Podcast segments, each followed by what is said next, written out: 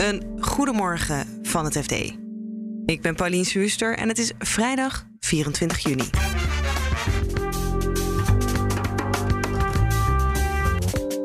De zak met geld die we uitgeven om sneller en meer woningen te krijgen, zorgt daar niet per se voor, zegt de Algemene Rekenkamer. Als je echt iets aan het woningtekort wil doen, dat zijn helaas allemaal oplossingen die gewoon een hele lange adem hebben. Een adviescollege zei er moet een onafhankelijke toezichthouder komen op de advocatuur. De dekens, de huidige toezichthouders, reageren. Prima dat we het zo doen, omdat ze niet anders kunnen zeggen. Maar dan wel onder onze voorwaarden. En een van die belangrijke voorwaarden is dat het eh, toezicht in eigen kring moet blijven. En maandag start de parlementaire enquête naar de gaswinning in Groningen. Ik kom zelf uit Groningen. Ik heb, uh, nog niet, het is niet het gesprek van de dag, de parlementaire enquête, laat ik het zo zeggen. Dit is de dagkoers van het FD. We beginnen bij de woningbouwimpuls. Miljarden die dit kabinet en het vorige hebben uitgetrokken om meer woningen te laten bouwen.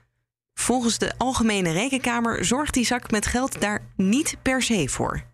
Onze woningmarktredacteur Nelleke Trappenburg legt uit waar het geld heen gaat. En gemeenten kunnen dat geld aanvragen voor woningbouwprojecten ja, die niet van de grond komen, die ze niet rondgerekend krijgen. Kan ik nou gewoon concluderen dat dat geld eigenlijk gewoon weggegooid is? Is dat wat de Rekenkamer zegt? Nou, de Rekenkamer is wel kritisch. Die zegt eigenlijk dat het ja, niet per se tot meer woningen heeft geleid dat gewoon niet aannemelijk te maken is dat het geld goed besteed is. Ja, heeft het geld dan wel iets gedaan? Ze zeggen wel, het heeft op zich wel bij projecten toegeleid dat het uh, dat heeft wel tot versnelling geleid. Ja, dus die projecten die niet van de grond kwamen, kwamen dan wel van de grond. Ja, alleen uh, je wilt natuurlijk dat in heel Nederland er meer woningen komen. Ja. En dan zegt de Rekenkamer, er is gewoon in de huidige markt heel veel kans dat als je ergens gaat versnellen, dat het dan ergens anders juist weer vertraagt. Uh, want er, zijn gewoon, er is gewoon tekort aan bouwvakkers, tekort aan bouwmaterialen. Er zijn ook te weinig ambtenaren om projecten uit te voeren.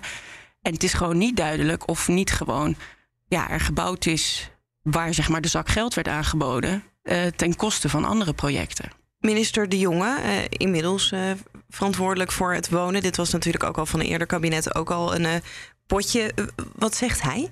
Nou ja, de rekenkamer die zegt eigenlijk van uh, deze woningen waren er waarschijnlijk ook zonder deze rijkssubsidie wel gekomen.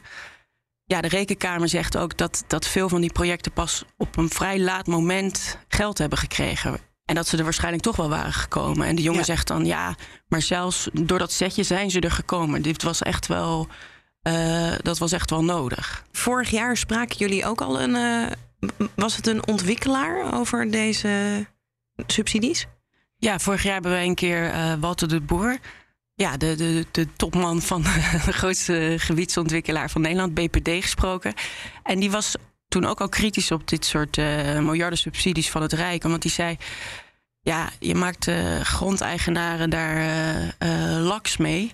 Ja, en hij zei letterlijk: Dit leidt tot heel veel hulp Sinterklaas in Nederland. Over de bouwimpuls, over die woningbouwimpuls. Als jij natuurlijk als overheid met een zak geld komt, dat zeker uh, ontwikkelaars met grond uh, ook een prikkel krijgen om hun meer voor hun grond te vragen. Ja. Als misschien, want ja, ze weten dat er geld te besteden is. Is er dan in de sector of van experts wel een idee wat je dan wel kan doen?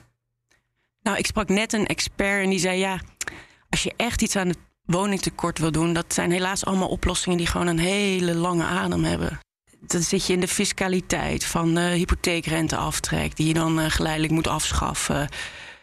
Ja, toch, toch het terugbrengen van die enorme vraag. Uh, misschien ook bij de beleggerskant. meer belasten van, van hun vermogen.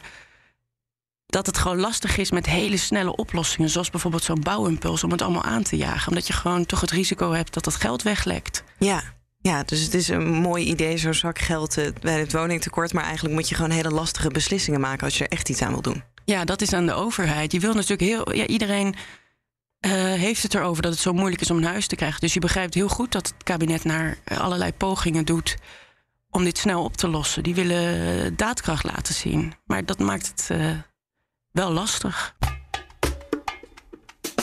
En dan gaan we naar het toezicht op de advocatuur, dat onder vuur ligt sinds schandalen zoals die bij Pels Rijken. En nu komt er een onafhankelijke toezichthouder. Martijn Pols volgt de sector voor het FD en vroeg aan de huidige toezichthouders, de dekens, wat die daarvan vinden. Maar eerst frist hij ons geheugen even op. Vorige week kwam het uh, College van Toezicht op de Advocatuur met een voorstel om een landelijke toezichthouder in te voeren. Uh, die uh, boven de lokale dekens bepaalde taken zou gaan doen om, om advocaten te gaan controleren op de naleving van allerlei regels. En, dus beroepsregels en, en anti-witwasregels en dat soort zaken. Ja, een onafhankelijke toezichthouder, toch? Het nieuwe daarvan is, is inderdaad ook dat hij toch vooral ook onafhankelijk zou moeten zijn in de, in de ogen van het, van het college. Ze hebben daar vrij duidelijk van gezegd wat de voordelen zijn van een toezichthouder die wat meer op afstand staat van het beroep. Ja. En afstand maakt ook dat je wat neutraler en wat scherper zou kunnen, kunnen controleren. Dat was een van de nou ja, voorwaarden of, of, of redenen waarom je zou moeten komen tot een landelijke toezichthouder. Ja. Uh, voor het college van toezicht is er bijvoorbeeld in de zaak Pels Rijken overduidelijk uh, veel lesmateriaal voor, uh, voor überhaupt het, de manier waarop het toezicht georganiseerd is. Ja. Ook een van de redenen waarom het landelijke toezicht er moet komen. En nou ja, binnen een dag kwam daar een brief uh, van de minister voor rechtsbescherming, Frank Weerwind, overheen. Die dat, die dat plan eigenlijk al meteen adopteerde in grote lijnen. Jij hebt samen met collega Jos Polman gesproken met de Amsterdamse deken en de voorzitter van de landelijk overleg van de dekens. Uh, waren ze enthousiast over het advies? Nou, het aardige is dat ze het, het algemene idee omarmen dat dit, dat dit er komt. Deels ook door die politieke realiteit die maakt dat ze er ook weinig nog meer tegen kunnen doen. Uh, naar verluid hebben ze dat in het verleden wel achter de schermen geprobeerd om, om zelf daar nog aan het stuur te blijven.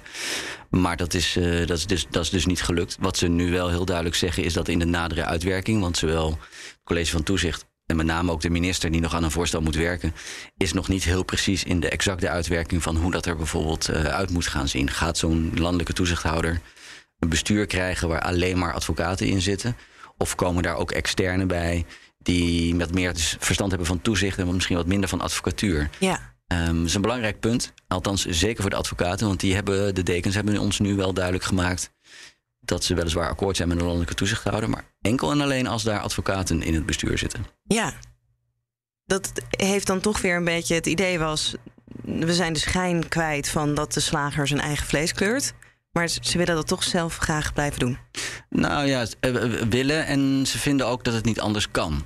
Um, ze maken een belangrijk punt van wat zij de rechtsstatelijke positie van de, advoca van de advocaat noemen. Daar hoort op geen enkele wijze overheidsbemoeienis bij, vinden zij. Ja. Het argument is dat uh, 60% van de rechtszaken waar advocaten bij betrokken zijn, de overheid de tegenstander is. Dan past het niet dat er overheidsbemoeienis is van bovenaf, uh, vanuit een toezichthouder, op die advocatuur. Want dat zou ja. een rolvermenging kunnen opleveren die, uh, nou ja, volgens de dekens tot Poolse toestanden zelfs zouden kunnen leiden. Zij, zij geven dat nu ook als voorbeeld van dat zij daarom vinden dat ja, landelijk toezicht, beter toezicht, ook op meer, op grotere kantoren. Dus ook een belangrijke wijziging daardoor. Dat is prima. Maar dan wel onder de leiding van een bestuur wat echt alleen maar uit advocaten bestaat. Ja, en jij zegt uh, al op de grote kantoren landelijk toezicht. Betekent dat dan dat op uh, individuele advocaten er wel lokaal toezicht blijft in hun visie?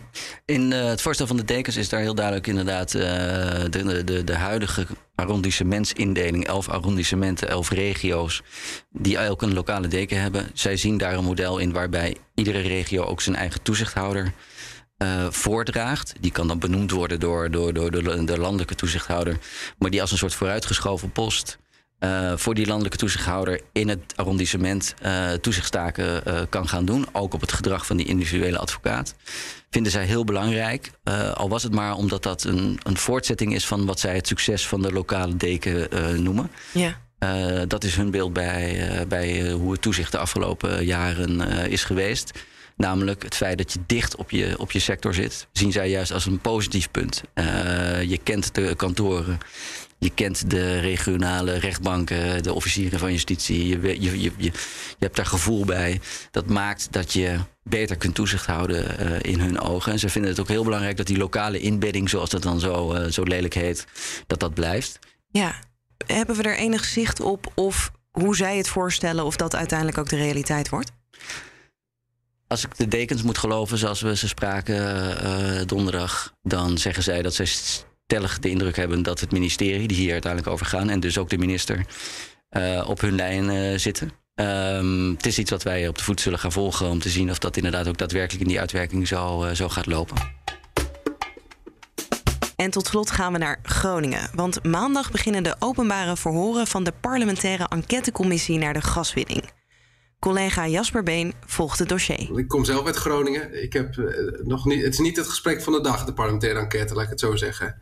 Maar als je in het aardbevingsgebied komt, er zijn wel echt duizenden mensen voor wie uh, de gevolgen van de aardbevingen nog altijd de dagelijkse realiteit zijn. Er zijn in totaal nu bijna 1500 aardbevingen geweest sinds de allereerste aardbeving uh, in 1986 in Assen. En dat, ja, dat, dat leidt er dus de lange termijn toe dat er dus echt tienduizenden schademeldingen zijn geweest. En op dit moment zijn er ook 14.000 huizen die volgens de normen, uh, de veiligheidsnormen, ja, nog altijd te onveilig zijn. Uh, uh, waarbij echt er een gevaar is op het moment dat er een zware aardbeving komt. Van letsel of, of nog erger. En die moeten dus nog altijd versterkt worden. Dus er, er zijn talloze aannemersbusjes die rijden door Groningen nu rond om, om huizen te versterken. Maar dat gaat allemaal veel te traag. En hoe verklaar je dan dat, er, nou ja, dat het niet het gesprek van de dag is of dat het mensen dus blijkbaar minder interesseert? Nou, dat heeft er denk ik voor een groot deel mee te maken dat die parlementaire enquête toch vooral echt iets is uh, door de Tweede Kamer voor de Tweede Kamer. Dat, ze, ze zijn een aantal keer op werkbezoek geweest hier. Maar het is niet per se iets Gronings. En het gaat ook niet per se direct wat veranderen aan, aan wat er nu gebeurt in Groningen. Het gaat niet ervoor zorgen dat er opeens een enorme versnelling komt in het aantal uh, woningen wat uh, versterkt wordt. Het gaat er niet voor zorgen dat het makkelijker wordt om schade aan te vragen. Uh, en om dat ook daadwerkelijk gecompenseerd te krijgen. Het, ehm, ja, dat gaat het allemaal niet, niet oplossen. Die parlementaire enquête die is er echt voor waarheidsvinding. En om politiek verantwoordelijke, ja, verantwoordelijk te houden voor wat er gebeurd is in de afgelopen jaren. Maar dat heeft weinig te maken met directe gevolgen voor Groningers nu. Er wordt ook veel gesproken over het Groningerveld weer meer opendraaien. Is dan niet de timing van deze enquête een beetje gek? Ja, ja ik en mijn collega Bas Knoop, wij gaan voor het FD de, de, de openbare verhoren, die gaan wij volgen. En wij hebben zelf dit ook in het maken van een voorverhaal ook echt centraal gesteld van ja, is het niet uh, een beetje een rare timing? Omdat, nou, neem de, de vorige parlementaire enquête, die ging over de Vira. En dat was een heel duidelijk afgerond dossier. Een miljarden debakel over een trein. En, en, dat was klaar. We wisten wat de schade was. En toen kon achteraf dus goed gekeken worden naar... Ja, wat, uh, hoe is het nou eigenlijk zo gekomen en kunnen we nog wat van leren?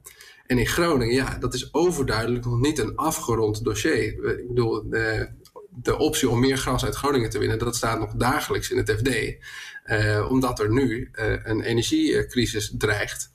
Uh, en de leveringszekerheid voor de komende winter niet helemaal duidelijk is. En ook voor duizenden Groningers is het nog geen afgerond dossier, omdat die ja, nog steeds met onveilige huizen zitten en nog steeds in, in versterkingsoperaties zitten waar ze liever niet in zouden willen zitten.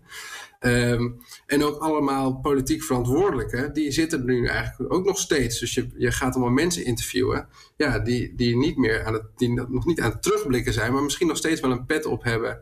Um, en daardoor misschien toch uh, nou, wat, wat onderzoek doen misschien toch bemoeilijkt.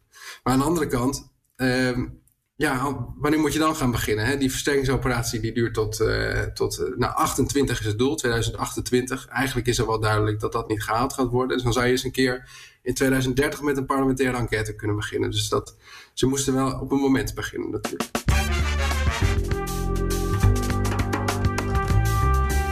Dit was de dagkoers van het FD. Elke werkdag zijn we er, dus maandagochtend vind je ons weer in je favoriete podcast-app.